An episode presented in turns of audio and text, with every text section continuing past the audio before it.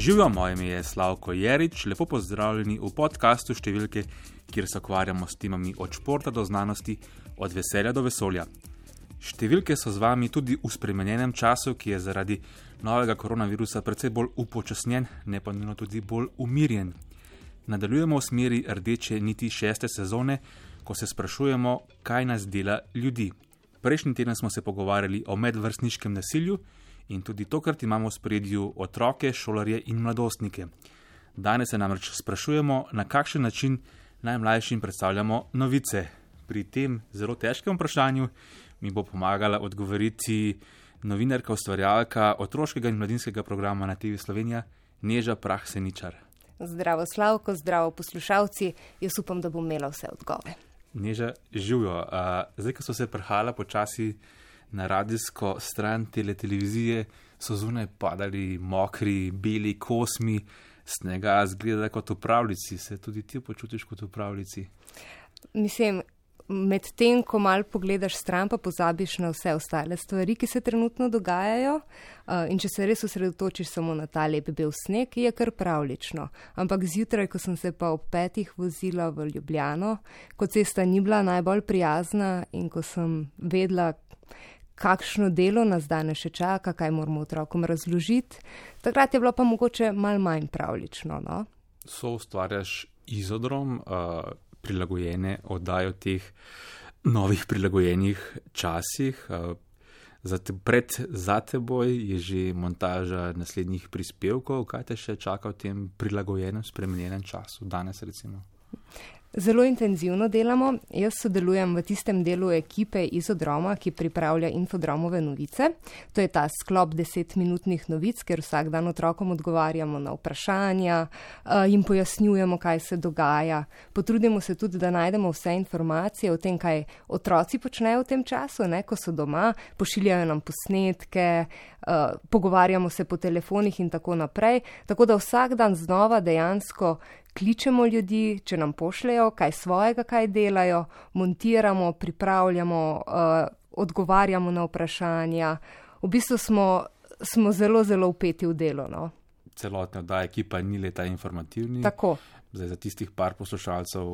Pa starejši poslušalci, ki tega ne, ne gledajo vsak dan, povej, kaj še poleg tega uh, ta ura programa vsebuje. Hm. Izodrom je v bistvu infodrom v izolaciji, no, na nek način, kot se je kolega Bergant eh, izrazil. Gre za eno urno oddajo, vsako jutro, malo po deveti, po poročilih, v kateri voditelja Nik in Nika vodita otroke skozi različne goste, učitelje, ustvarjalce različnih stvari, uh, se pogovarjata z njimi prek Skypa, ne? zdaj je vse nadaljavo, zdaj je vse malo drugače. Uh, potem otroci dobijo tudi, ali pa mladostniki, domačo nalogo, ki jim jo vedno nekdo pripravi, bodi si je to neka znana oseba, bodi si je to nek strokovnjak za neko področje. Uh, tako da danes so recimo otroci pošiljali naloge uh, jajca, ki je namočeno v kis in kako visoko se odbije in kdaj se razbije. Ne? Dobili smo en kup teh videov. Uh, in mislim, da smo vse kolegice zdaj kar, kar zelo zagrizle v delo in smo zelo upete iz dneva v dan, uh, iščemo goste, pripravljamo vsebine, uh, trudimo se, da je izobraževalno, zato ker otroci imajo puk malo drugačen v teh časih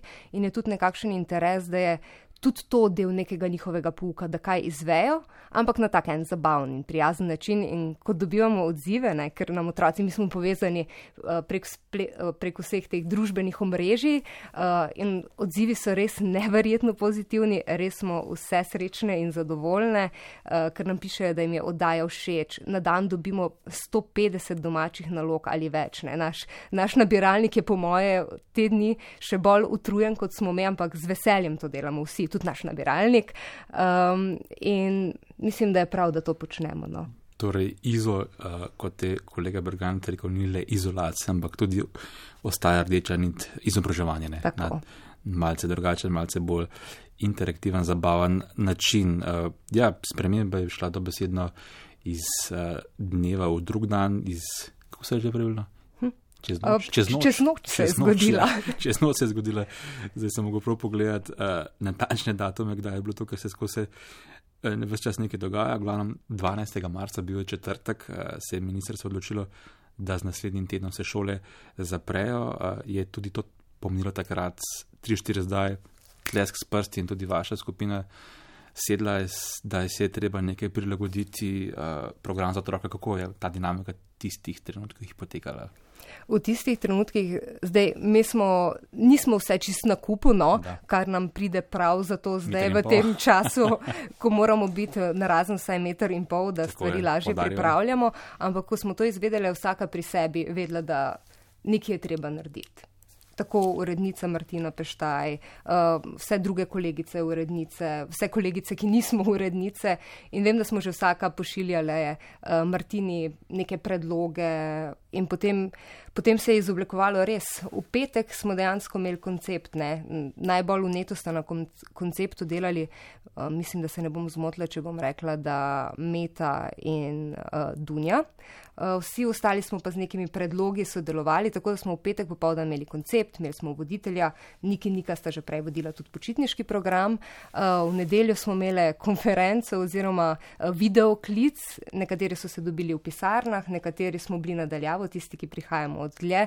Tako da smo se že tudi mi kar v ta sistem na video klice navadili, že tudi pri našem delu. In v ponedeljek smo startali in, Star, in delamo. Startali zelo uspešno.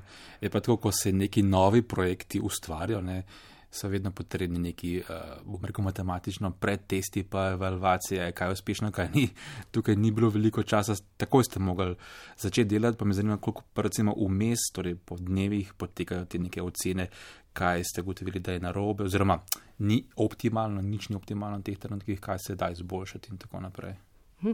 Vsak dan po oddaji se dobimo na dvorišču, zdaj nam, do zdaj nam je bilo vreme zelo naklonjeno, zdaj ne vem, kako bo ta lesnik še kar prijazen, da bo malo težji, da držimo varnostno razdaljo in smo v enem takem lepem krogu in si povemo, kaj je bilo v oddaji dobro, kaj je bilo pa tisto, kar bi pa mogoče bilo vredno pretehtati in naslednjič narediti drugače. In meni se zdi, da je to zelo pomemben uh, nek moment oddaje.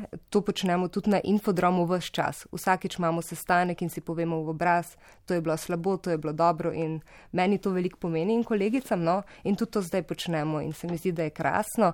In tudi uh, režiser Aljaš je rekel ravno, mislim, da včeraj, včeraj, da zdaj imamo mogoče občutek, da smo že utečeni, ampak vsaka oddaja je oddaja zase in vsako oddajo je treba pretehtati in postavljati, kot da je prva.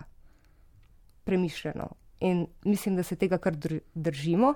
Verjetno bomo kje zgrešili, kdaj, oziroma zgrešile, verjetno se nam bo kaj ponesrečno, mogoče se nam je že, ampak trudimo pa se vsi po res najboljših močeh, da bi bilo kar se da dobro. Eh, prej si rekla, če sem si prav zapomnil številke, tukaj sem malo šibak, okrog 150 uh, odgovorov približno ali med temi tudi kakšen vsebinski predlog, zdaj, ko smo ravno pri tem tehtanju, kaj spremeniti, ali tudi otroci oziroma mladostniki, kaj na tem področju predlagajo, da bi dopolnili, nadgradili ali kaj podobnega. Enkrat smo dobili vprašanje, ali se bodo prek Skypa javljali samo učitelji. Mislim, da je bil to nek vsebinski predlog oziroma dopolnitev, da bi še koga drugega radi videli in seveda to upoštevamo in to počnemo. Predvsem pa pošiljajo, mislim, poleg teh nalog, ki jih vesno izpolnjujejo, pošiljajo nam tudi posnetke, kar, kaj sami počnejo doma. Danes naravno gledala zjutraj, ko sem brskala čez uh, te posnetke. Po, Um, najprej bi rada povedala, da so nam poslali takoj, kaj počnejo na snegu, ko je včeraj zapadel sneg. Ne? Je njihov odziv in smo ga seveda že danes to uporabili. Uh, potem smo pa dobili en tudi krasen posnetek, kako deklica zvoke um, dela na kozarcih ne? z različno vodo, mislim, različnimi količinami vode in tako naprej. Uh, bi rekla, da se recimo v sam koncept daje, da se niti otroci toliko ne spuščajo, jim je všeč, imajo pa pač ideje, kaj bi sami radi povedali, uh, kaj jih zanima, o čem naj mi govorimo. In to so vse stvari, ki so zelo dobrodošle, zato ker to je oddaja, ki je namenjena njim. In mislim, da je to treba poslušati, predtem pa seveda tudi uredniško premisliti, kaj povedati in česa ne. No. Uredniško premisliti, kaj povedati, česa ne, a tukaj je zdaj zelo pomembna podtema najnega pogovora.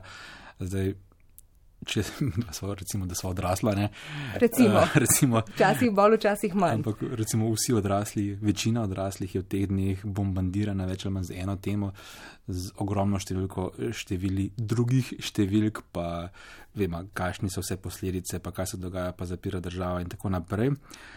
Gotovo veliko tehtate, premišljujete, kako, kaj in na kakšen način od teh informacij posredovati ciljni publiki. Drži. Drži. Uh, dobivamo recimo veliko vprašanj otrok o tem, koliko je okuženih s koronavirusom v Sloveniji, uh, tudi vprašanja, koliko jih je umrlo in podobno.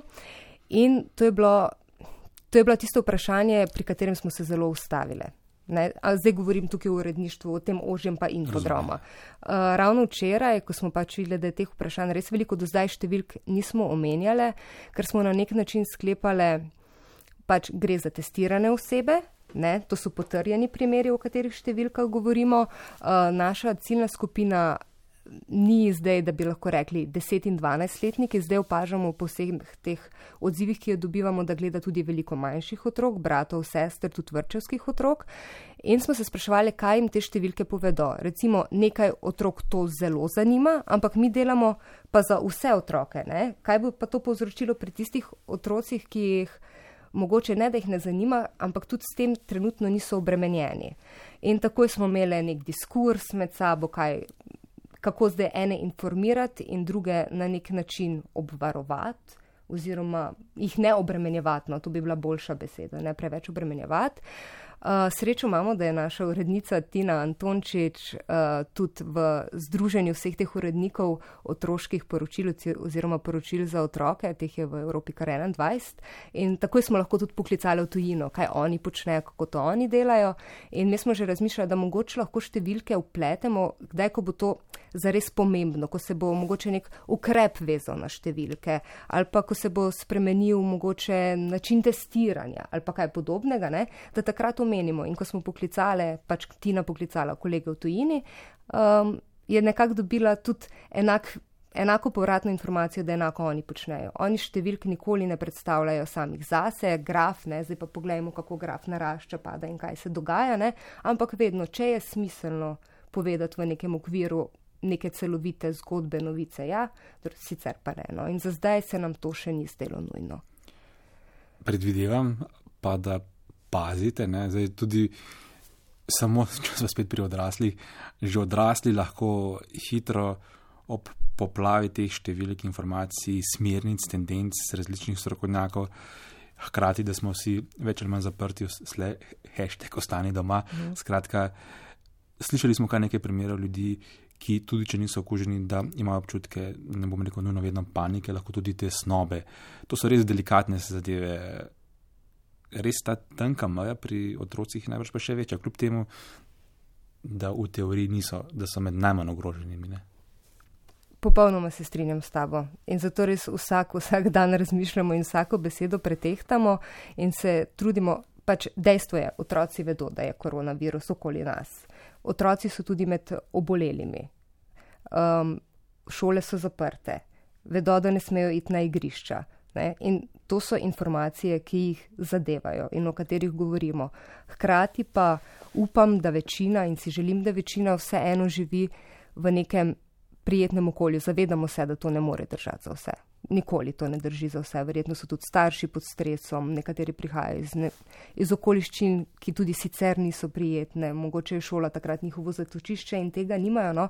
In nekako se tudi trudimo s temi novicami vzpostaviti neko ravnotežje informacij in potem še na koncu nek način nekega razvedrila oziroma, če rečem, sledimo smernicam, informiraj, pojasni, pomiri in probaj tudi razvedriti, no, poskušaj tudi razvedriti. Tako da, da se trudimo v tej smeri, no, ko iščemo to neko ravnotežje. Recimo, otroci nam pošiljajo, kako zdaj delajo glasbeno šolo nadaljavo. Ne. To mislim, da je nekaj, kar vse mal razvedri, se zadeva koronavirus tudi sicer, ampak je nek nek drug del. Kmal pričakujemo zgodbo o tem, kako živijo otroci v stanovanjskih skupnostih zdaj, ker je tudi nek drugačen način. In tudi um, so otroci, ki, ki mogoče uh, drugi otroci ne vedo, kako oni živijo. No? Tako da se trudimo zaobjeti poleg vseh teh nekih faktičnih informacij, tudi te mehkejše informacije. No? Prej si omenila, če sem prav razumel, da so v teh spremenjenih časih otroci tudi lahko kreativni. Omenila si deklico, ki je igrala na kozarce, kozarec, z ja. vodo. To je kreativno, zakaj pa ne? Da, vsi smo lahko kreativni, ampak so pa objektivna dejstva, ki jih pa tudi moramo sprejeti. Absolutno, absolutno. Želim nadaljevati pa zadnjo misel, eh, pač, ker je odprt kanal do vas, ali čutite, ali pa prihajajo tudi kakšni eh, navednicah klici oziroma eh, pisma, kjer pa je začutiti, recimo, da otroci pa čutijo neko stisko oziroma neprijetnost oziroma občutke, ki jih ne poznajo, ne vem. Z, mislim, da tega sicer nismo dobili, uh mhm. -huh. smo pa že pač takoj začeli upozarjati, če ste v stiski, na voljo so vam tudi vaše socialne delavke oziroma svetovalne delavke in svetovalni delavci na šoli. Tudi javila se nam je vodajo uh, sptuja svetovalna delavka, ki jim je, jim je povedala, da kljub temu, da zdaj niso v šoli skupaj, še vedno so tam njihove telefonske številke, še vedno se lahko obrnejo na njih. Tudi sama mi je pojasnila, mogoče bojo starši v stresu. Ne? Vse to se lahko dogaja. Uh, je pa tista stvar, ki pa mene skrbi oziroma nas skrbi, je dejstvo, da ko mi delamo infodrom, gremo mi v šole večino časa in tam so vsi otroci, ne glede na to, kakšno je njihovo ozadje, iz kakšne družine prihajajo, kakšno je finančno stanje, ne, iz vseh okoli. In mi tam lahko vprašamo, posnamemo, se pogovarjamo, malo da ne z vsemi otroki. Zdaj pa so tisti otroci, ki so v šipkejšem socialnem položaju, mogoče nimajo tako dobrega telefona, da bi se posneli mogoče tudi kakšen otrok nima tako skrbnih staršev, ki bi mu pri tem pomagal. Ne?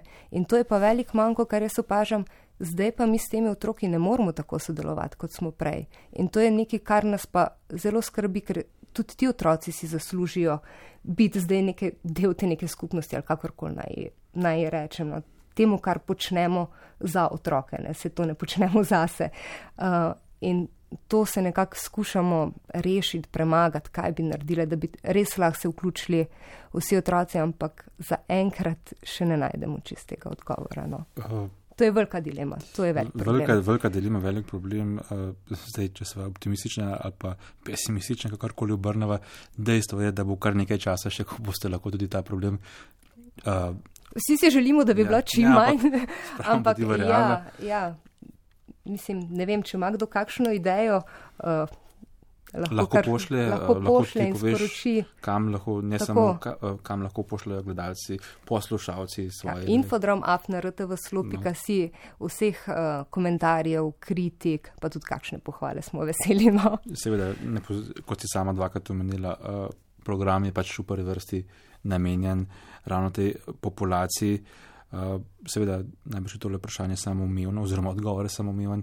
Vaš program bo trajal toliko časa, dokler bodo šole zaprte, če se ne motim.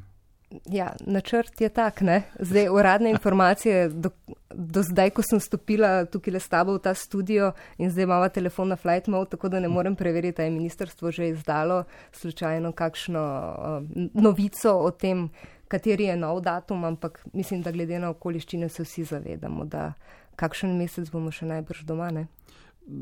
Pa, Mislim, tisti, ki so doma in uh, ostanite doma, če ste lahko doma. Z njimi pa infodrom. Uh, torej, in izodrom. Infodrom in izodrom, gledaj, vse se spreminja, se bomo navadili vse do konca izolacije. Uh, to delo je očitno, lahko rečem, da malo bolj stresno zate. Mislim, stresno. Ja, je, seveda je veliko bolj stresno, če, če se naenkrat začneš vstajati ob 4 zjutraj, pa že prej, ker se vozi malo dlje, sem vstajala relativno zgodaj. Um, ne vem, doma si na računalniku, verjetno tako kot številni učitelji, do večera pregleduješ posnetke, tako kot vsi, vse druge kolegice in kolege, da ne bo se to zgledalo, kot da slučajno samo jaz to počnem. Vsi smo, vsi smo res upeti v to delo no? uh, in z velikim veseljem.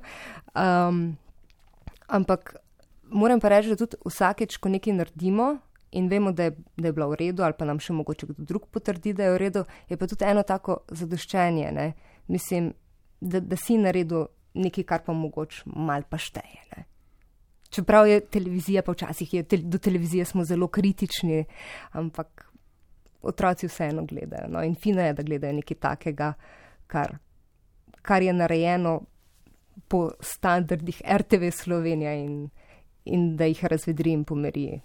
Kaj pa kot uh, so ustvarjalka teh oddaj, drugačen način dela, te je zaradi tega, kar tudi sama si pisala, ampak te je zaradi tega, kaj te presenetilo, navdušilo, kakšna nova ideja, morda za prihodnje, ko se bo čas, uh, oziroma ko se bo čas umiril in se bo pred ljudem vrnila normalna produkcija. Hm, zdaj sem se mogla kar malo zamisliti, ampak ne, ja, v resnici um, je full veliki idej in moram reči, da se tudi med tem, ko res delamo, se včasih tudi pozabavamo. In en tak moment je bil recimo predvčerajšnjem, ko smo dobili vprašanje, ali zaradi koronavirusa na okoli zdaj ne hodijo več zobne miške. In to je bilo vprašanje, ki nas je najprej malo nasmejalo. Pa, Potem so kolegice rekle, no, no, se to mogoče se kdo heca ali pa ne, ampak smo pogledali, pa ni res, mama je po moje poslala za hčerko. In smo rekli, kaj pa če pokličemo zobozdravnika, kaj pa če pokličemo še veterinarja, pa naj razloži na, na en tako otrokom prijazen način in mi to smontiramo. Um, In je nastal en tak luškan prispevek, ki sem opazila, da ni bil všeč samo najbrž otrokom, ampak tudi veliko odraslim je na nek način polepšal dan. Zraven so bile pa tudi informacije o resnici o koronavirusu, kako je živalmi, pa informacije, da si treba zobe umivati in take stvari, ki so za otroke pomembne. In se mi zdi, da v neki tej kreativnosti smo naredili preskok. Zdaj tudi z nami je začela za, prav za te infodromove prispevke kolegica Anka, ki sicer skrbi za oddaje, ki so za manjše otroke in je začela za nas pripravljati razlaganje lokalne prispevke, mislim za nas, z nami pripravljati. To sem zdaj tako grdo rekla, da se moram kar upravičiti vsem in Anka se upravičujem, seveda z nami, ne za nas, uh, razlagalne prispevke. In ker ona dela za mlajše otroke, ima mal drugačen zorni kot. Ne, mi smo kar tako strikt in resne ponavadi. Ne. Ona je pa taka mal bolj zabavna in vse. In so ti prispevki res razlagalni, razloži vse, kar je treba, tudi o koronavirusu, ampak na en tak zabavno otrokom prijazen način. Recimo o tem, kako iščejo cepivo, je naredila svetovno prvenstvo v iskanju cepiva in potem smo še včeraj poklicali uh, Aleša, uh, Smrekarja, Smrekco uh, in nam je še tekst prebral. Uh, Eh, in tako da se mi zdi, da je nastal res en tak dober prispevek in se mu tudi zahvaljujemo za to branje. No, in se mi zdi, da v tej neki kreativnosti, ja, te pa prisilijo razmere, da začneš razmišljati drugače, da se lotiš stvari. Uh, in ne na zadnje, se upravičujem, če bo to zelo, zelo dolg odgovor, lahko ga malo mislim porežeš. Uh, mi nimamo več snemalnih ekip. Mi v resnici ne hodimo več na teren. Ne? Televizijo, televizijsko ekipo si predstavljaš, kot da imaš snemalca zraven, uh, novinarja, asistenta, če imaš srečo, če je to ta večja ekipa oziroma ta ta fina. Ta fina. Kaj pa govorim, neža. Če je to malo večja ekipa, ko imaš lahko malo več stvari. No? Um, zdaj, pa, zdaj pa tega ni. Zdaj, v bistvu te osnovne stvari, ki jo imaš ponavadi za pripravljati televizijske prispevke, nimamo. In zdaj smo odvisni od tega, kaj nam ljudje pošljejo ne? in kako sodelujejo z nami, in veseli smo, da sodelujejo še ena vrlina tebe in celotne ekipe, skratka, odzivnost in prilagodljivost. Ne? Ja, hvala, se bom pravi potapkala. Ne, moramo pa. Tudi, ne bom kar meter. Meter pa pol sva na razen. Ne, ampak zelo fino je tudi, ker se ljudje odzivajo in z veseljem sodelujejo. Ne vem, res, ko jih pokličemo, večini, ne vem, če nam je že kdo rekel, ja, so nam rekli ne na enem od ministrstv, ampak ko pa pokličemo ljudi, ki so izven tega ustroja, uh, pa vsi z veseljem pomagajo s svojimi prispevki, od znanstvenikov uh, do otrok, učiteljev. Vsi pošiljajo posnetke. Ja, otroški mladinski program seveda ne deluje le v času teh izrednih razmer, ampak eh, vse čas tudi zato bi rad kakšno besedo s teboj spregovoril, Neža. Eh, kako si sploh pristala na tem eh, v tem žanru, če lahko temu tako rečem? Iskala sem službo. Čisti iskren odgovor. ja, tako je. Um, iskala sem službo, bil je razpis za audicijo za infodrom, šla sem na audicijo, odločili so se, da me vzamejo in potem sem ostala. Mm, nekje sem prebral uh, en tu intervju, mislim, da si omenila, kaj ti je všeč pri. Uh, kot sem reč, s ciljnim predmetom tvojega ustvarjanja, kako strokovno, skratka, z ljudmi, s katerimi delaš, torej z, z otroki, uh, iskrenost, ne si umenil. In ob tem sem se spomnil potem starih a, televizijskih oddaj iz Amerike, Bill Cosby, pa še kasnejši, 30, 40, 50 let, ko se pogovarja voditelj z mladimi 5, 6, 7 letniki, res iskrenost, ki so res iskreni. In ti odgovori te res presenetijo in marsikdaj nasmejajo. Je to tudi del nagrade tvojega dela, recimo, Malo sem zakompliciral, ampak upam, da razumeš, kaj sem želel povedati. Ja, ja, vem, kaj misliš. Jaz se žal tega ne spomnim, kdaj sem to, verjamem, da če si prebral, sem to rekla, ampak žal se tega zdaj ne spomnim, kdaj je bilo v kakšni priložnosti. Um, moram pa reči, da otroci so, mislim, tako kot odrasli, so večinoma iskreni. Nekateri pa tudi ne, ne. In že zelo zgodaj se otroci tudi naučijo lagati in naučijo, kaj je družben sprejemljiv odgovor. In to tudi pač opaziš, ko si novinar in se moš pogovarjati, recimo, ene pet minut, da otroka sprostiš in to je posebno normalno in tako pač jaz se tudi z odraslimi je posebno enako. Ne. Rabiš malo voda, da, da prideš do tega, da se ljudje povežemo med sabo. Um, Ampak ja, veliko je pa tudi tistih, ki so že na začetku sproščeni in te presenetijo in so sploh tisti, ki so malo bolj nagajivi. Mi včasih rečemo, tudi ko gremo snimati kakšnega nagajivega, uh, fajn je, da se pogovarjamo še s kakšnim nagajivim, ne? da niso samo tisti, ki, ki so če zdaj v predalčke damo, ne? ta pridni, pa nagajivi, pa tisti ta tihi, ampak da so res raznoliki otroci. Mislim, nagrada je pa zame predvsem takrat, ko se kdo od otrok odzove, da mu je nek prispevek neki dal, da je neki zvedel, da, da je bilo zanimivo. No, to, to se mi zdi, da je, da je še več. Ali pa ko te vprašajo, a se bom res videl. Ne, ko veš, da jim nekaj pomeni, da jim je ena potrditev. To se mi zdi pa tudi lepo. Mm, Preč sem razumel med uh, vrsticami, vrsticami, ki jih ni. Uh, ko snimaš v šolah, recimo največkrat prej, uh, da je kar časovno, recimo, kar nekaj časa traja, da se lahko posname neka izjava. Eh, ja, še prej si omenila, ko recimo, če odrasli dajemo kakšne izjave, te lahko hitro kaj zmotijo, otroci pa tega sploh niso vajeni, najbrž kaj vsak zvok ali pa svetlobni signali jih lahko zmotijo. Kako, kakšne, kako... pa, mislim, vse niso toliko različni, po mojem, od odraslih, koliko imam jaz tudi izkušnje z odraslimi, mm -hmm. ker sem tudi delala oddaje za odrasle. Ne. Vsi na televiziji želimo biti, ali pa ko se predstavljamo javnosti, ne. tudi zdaj, ko se s tabo pogovarjam, pa vem, da bo to nekdo poslušal, se trudim, da malo lepše govorim, kot govorim sicer, kadar smo na kavi, recimo. Uh, želimo biti malo lepši, želimo se malo pokazati. Uh, fino nam je, da tudi zdaj, ker je televizija, da zgledamo dobro. Ne? In tudi otroci niso zdaj čist nič drugačni od tega. Um, ampak zdaj pa, da jih zmoti. Mislim, otroke zmoti ponavadi takrat, ko si želi biti pri snemanju uh, zraven tudi učitelj ali pa eden od staršev. In takrat otrok potem ne ve, uh, koga bi gledal. Ali bi recimo gledal mene, če sem jaz v tistem primeru novinarka, pa meni odgovarjal, ali bi gledal proti staršem, pa če so oni zadovoljni, pa če je učiteljica zadovoljna. Ne? To so tiste stvari, ki se mi zdi. Ali pa če se mogoče kak drug učenec, ki je tudi z njimi takrat prisoten, začne smejati, to jim je neprijetno, ampak se to je odraslim tudi neprijetno, če ti odgovarjaš na vprašanje, pa se tvoj kolega zraven začne smejati, ne? pa vsak da reče kakšno neumnost. Tako da to vedno poskrbimo na snemanju, če želijo biti odrasli zraven, kar je seveda logično, zakaj pa ne, da stojijo v bistvu za otrokom da otrok ne gleda njih, ampak da so zade ali pa da so skriti malo za vrati, ne, da jih ne vidi in se potem tudi pogovorimo, če mogoče starši kdaj ne bi želeli česa, da pač da vejo, kaj se dogaja, kaj smo spraševali, ampak imajo pač to pravico, da tudi oni se odločajo o otroku. Ne. Zdaj, ki si rekla učitelj, imaš kdaj občutek, eh, da zaradi prisotnosti učitelja potem spremeni odgovor, da je vem, družbeno bolj primeren, ko se premena ta beseda?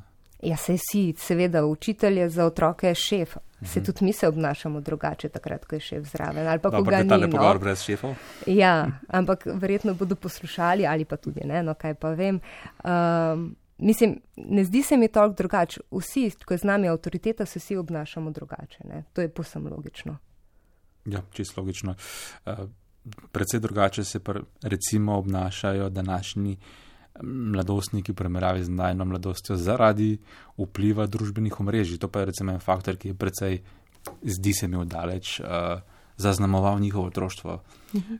In ti, kar pač ker delaš, so ustvarjaš oddaje za otroke, si se mogla, si se mogla uh, priučiti v družbenih mrežih, si se mogla, ne brž tudi dobro znaš, ampak spoznati različne kanale, kaj otrokom všeč ne, ali se motim ne motiš se.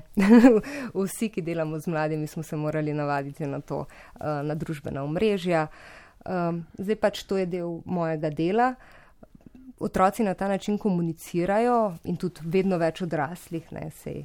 Uh, ni, ni zdaj to samo obvezano na eno generacijo. Res je pa, da so otroci tisti, ki, so, ki s tem odraščajo. Ne? Mi se tega moramo naučiti, oni pa dejansko to živijo.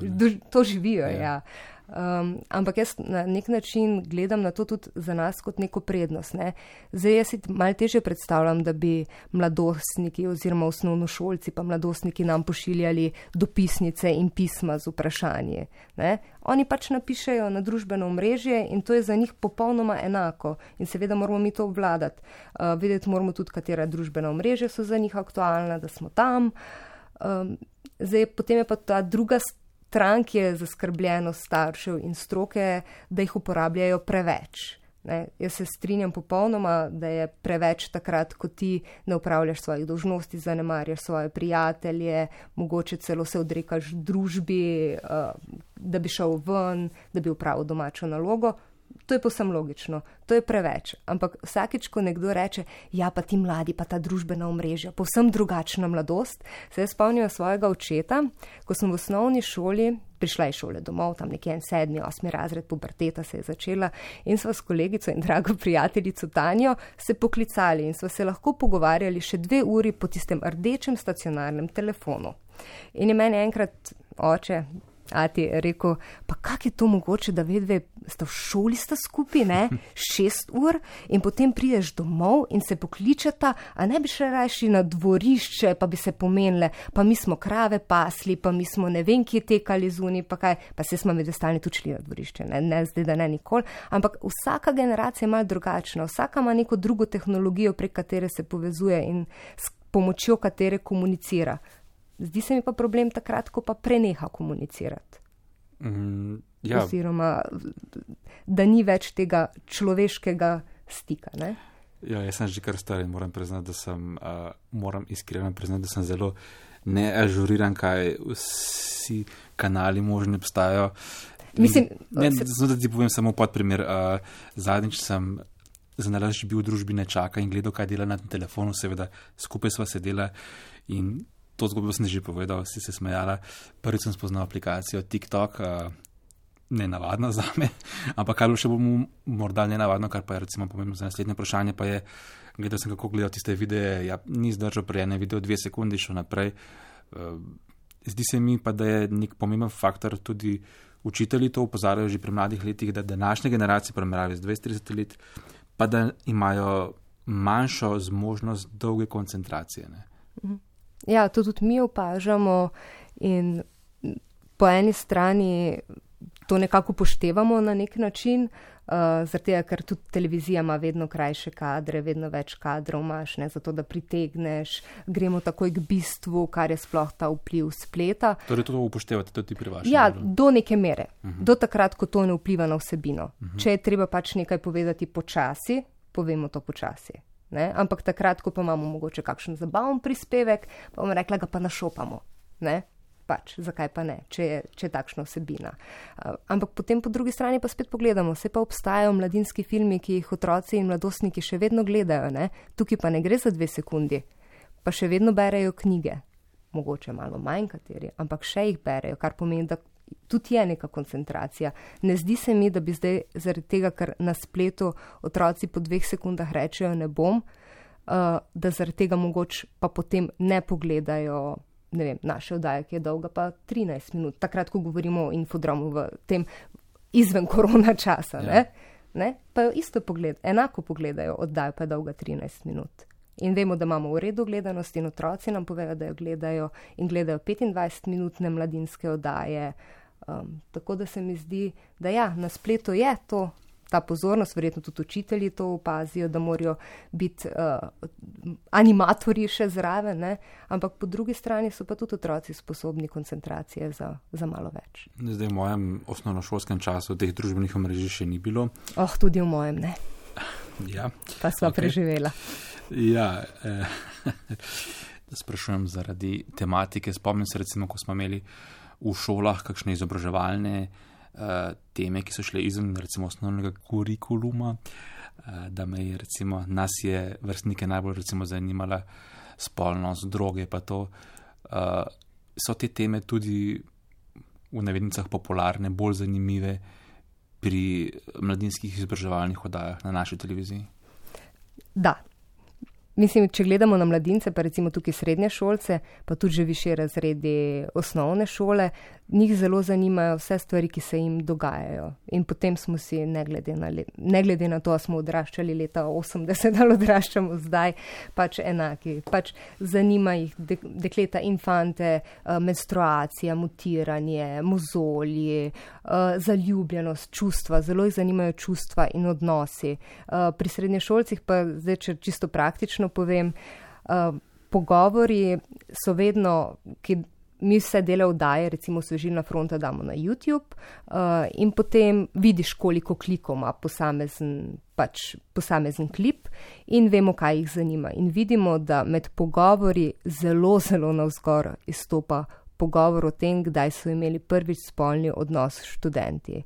V bistvu uh, pogovor z raziskovalci z tega področja in to je pač tema, za katero vemo, da jih da jih zanima in je to del njihovega življenja, odraščanja, iskanja partnerstva, prve spolne izkušnje in seveda se tega tudi lotevamo, ampak ob tem pa ne zanemarjamo vseh drugih tem, ki so prav tako pomembne za njih ali pa mi sklepamo, da so pomembne za njih. Ne? To so recimo neke večne teme, zdaj te vdaje recimo trajajo dolgo vrsto let, a, kako pogosto jih pa potem obnavljati, recimo, da ne govoriš vsak teden o tem, pa recimo vsak mesec. Um, se vmes niso neke nove hude spoznanja, ampak če so teme te zanimive, jih je potem na nek način ali pa z drugačnega zornega kota, pa najbrž se splača imeti. Ne? Ja, zdaj je čisto odvisno, o katerem tipu oddaje govoriva. Ne? Če govoriva o infodromu, to je informativna oddaja za mlade. V tej oddaji najdejo mladi in aktualne politične zadeve, kaj se dogaja po svetu, kaj počnejo vrstniki po svetu in te teme nekega odraščanja. In zato, ker odraščanje lahko s toliko zornih kotov uh, primeš in toliko različnih tem, da ne vem, če smo se že kaj ponovili v teh sedmih letih. Prav bi mogla zdaj razmisliti. Ampak, ne vem, recimo, ko smo govorili o menstruaciji, smo enkrat smo razlagali, uh, kaj sploh je menstruacija, higijenski pripomočki v času menstruacije, fantom smo razlagali mokre sanje, vse, vse pač razložimo. Um, ne vem, za mladostnike smo pa, zdaj smo ravno v eni taki zoprni situaciji, recimo lani smo delali oddajo o devištvu in ker smo res opazili, da je ta spolnost nekaj, kar jih uh, zelo zanima, pač te srednje šolce, za katere je osvežilna fronta namenjena, smo rekli, dajmo tudi letos neki pa malce drugačnega zornega kota in smo že vse zastavili in postavili in upamo, da boste enkrat lahko to oddajo videli, ker so eni pogovori že posneti. Uh, žal nas je pa koronavirus prehitev in v tem času ni produkcije, tako da je še oddajo v nastajanju. No, ampak poiščemo drug zorni kot. Super. Uh, prej sem imela besedo številke oziroma gledanost. Uh, obstajajo podatki gledanosti za zdaj, za izodrom? Seveda obstajajo. Ravno včeraj sem jih gledala, um, ker jih pač imamo tabelce dostopne in je zelo dobra gledanost. Zdaj to lahko pripišemo sebi, da delamo tako dobro, lahko pa pripišemo tudi temu, da so otroci doma in dejansko, eh, razen tega, da delajo za šolo, pa imajo neke svoje obveznosti. Je verjetno to res čas, ko še potrebujejo neko dodatno informacijo, pa zabavo, pa sprostitev in mislim, da je na mestu da javni servis poskrbi za njih. Ja, gre najbrž za kombinacijo obojega. Sicer, ja. Zdaj, uh, natančne številke ti pa ne znam povedati iz glave, vprosti. Kaj ne rečem? Grozno. Grozno. Uh, morda grozno, ali pa niti ne, pa naslednje dejstvo. Uh, prebral sem, prebral sem, če piše, potem je to res gotovo. Uh, delaš na televiziji, nimaš pa televizorja. Ne? Ja, ja, to je dejstvo. Imam pa internet in plačujem tudi RTV prispevek. Um, in pogledam večkrat po štiri del, oziroma se povežem in pogledam vsebine, ki me zanimajo, in tudi vsebine, za katere me opozorijo, da, da so narejene zelo dobro. No? Tako da vem, vem, kaj počnete, kolegi. Tudi številke poslušam. Uh, koronavirus v tem času naj bi bili sami, pa zanimivo, tudi to sem prebral. Uh, Da imaš pa zanimivo izkušnjo biti sam. Eh, no, sa, sa, sam sem si tako interpretiral, namreč eh, se potapljaš. Ne?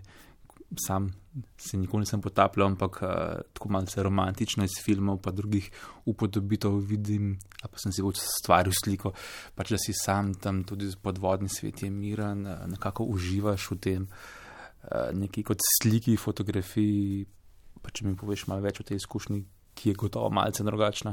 Ja, zdaj bom zoprna. Še dobro, da se nisi nikoli potapljal sam, ker nikoli se ne greš potapljati sam, sploh pa ne kot prosti potapljač okay. oziroma na vdih. Vedno moraš imeti sabo badija, to je človeka, ki pazi, da je s tabo vse v redu, da v primeru, če bi karkoli šlo na robe, imaš nekoga, ki te potegne iz vode in poskrbi, da je ok.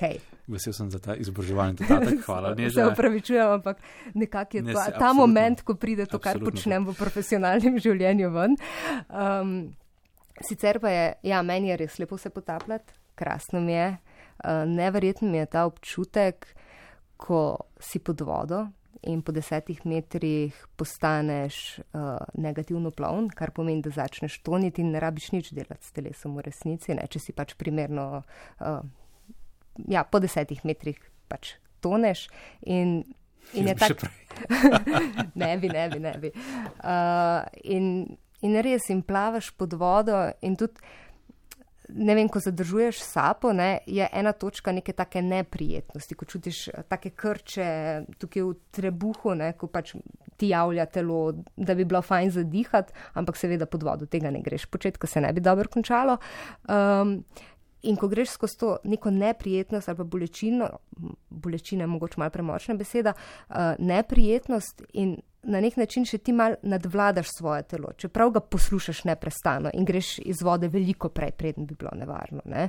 Nikoli ne greš, nikoli ne gledaš na uro, pa rečeš, aha, dve minuti sem, štiri bom pa zdržal, tega ne narediš nikoli, pod vodo ne gledaš na uro. Uh, In, in je res en tak mir, prijetnost, je pa mal neprijetno, če si pa kje, ko je pa velik teh čovnov in imaš ta, ta hrup in ta nevarnost. To pa takih prostorov se pa izogibam. Torej, morda sem si malce preveč romantično eh, predstavljal, ampak je pa mirnost. Oziroma, a si, ko si spodaj, moraš veli, velik del časa nameniti tem uh, zadevam, ki so pomembne, da je s tabo vse v redu, ali lahko tudi uživaš.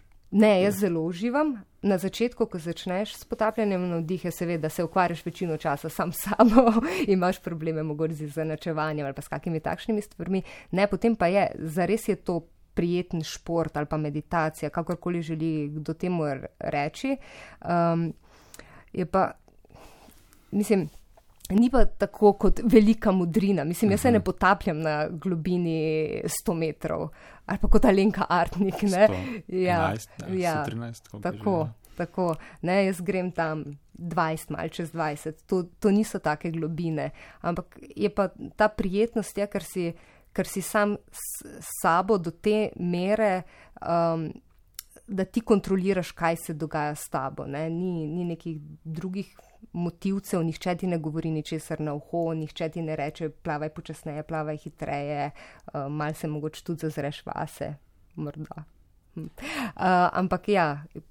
Poleg tega, da je pa vedno mora biti varno, no, da je nekdo nad tabo, ki te pazi. Skratka, potapljanje nisi sam, uh, sam pa si lahko pri prebiranju knjig. Uh, prejšnji teden je bil, kot morda veš, neža, gotovo veš, svetovni dan poezije. Jaz sem zelo rad poezijo in uh, ti bom prebral nekaj verzov, nekaj lepe pesmi, ki sem jo prebral na ta dan in sicer gre takole. V plasteh se nalaga sončev veter, ko si nalagam na ramena v svet. Ne bo se ustavil, če si zlomim nogo srce, samo brazgatina se bo izbočila z kože. Poznaš te verze? Ja, mal pa jih no. Ampak to dvomim, da si prebral na dan poezije. Sem prebral, res. res? Uh, pravzaprav napačen glagol sem uporabil, poslušal sem, uh, nisem bral, poslušal sem na YouTubu in sicer uh, lahko poveš, kje je bilo to, Budimpešta 2018, kjer je potekalo Evropsko prvenstvo slam poezije. Rad imam poezijo, ampak priznam, uh, nikoli pa nisem si vzel čas, da bi si prebral definicijo, kaj to je sploh slam poezija. Ja, zdaj, če bi me poslušalci videli, bi videli, da sem tu rahlo zrdela. um, ja, slem poezija je, ko oseba, ki napiše pesem, se jo nauči na pamet, ampak ne zdrdrat, ampak na ta način, da jo, nek, da jo predstavi poslušalcem, pripoveduje. No, in to je neke vrste nek žanr, zelo, zelo star žanr v resnici, zaradi tega, ker se je, preden so zapisovali, so pripovedovali. No, in to je nekako vračanje k tem koreninam, drugače pa slam poezijo začel Mark Kelly Smith um, in potem se je pač po svetu uh, razširila in tudi v Sloveniji je kar nekaj slamerjev, uh, ki se s tem ukvarjamo, kar pomeni, da se od časa, mislim, od časa do časa, vsak mesec recimo v Mariboru dogodki, pa včasih so bili v Kamniku, pa v Krajnju se zdaj začenjajo, pa v Ljubljani so in ker pridemo ljudje, ki pišemo poezijo in jo prosto govorimo poslušalcev. Skratka, to je avtorska poezija. To je avtorska je. poezija, ja. Čudovito ja. niže. Hvala, Slavko. E, za poslušalce, ki to poslušate prek e, svojih različnih naprav, priporočam, da se zagadrite tudi na spletno stran. Uh, e, RTV Slobika si pošiljnica številke, kjer si lahko ogledate tudi nežin nastop na Evropskem prvenstvu v, v Budimpešti. Ali lahko tega ne daš noter, prosim? Neža, številke so uh, brez prekinitev, tako da tudi tale. Pa raje vidim, če pride kdaj na kakšen nastop, veš. No, evo, super, super, uh, super istočnica iz te, uh, iz te debate.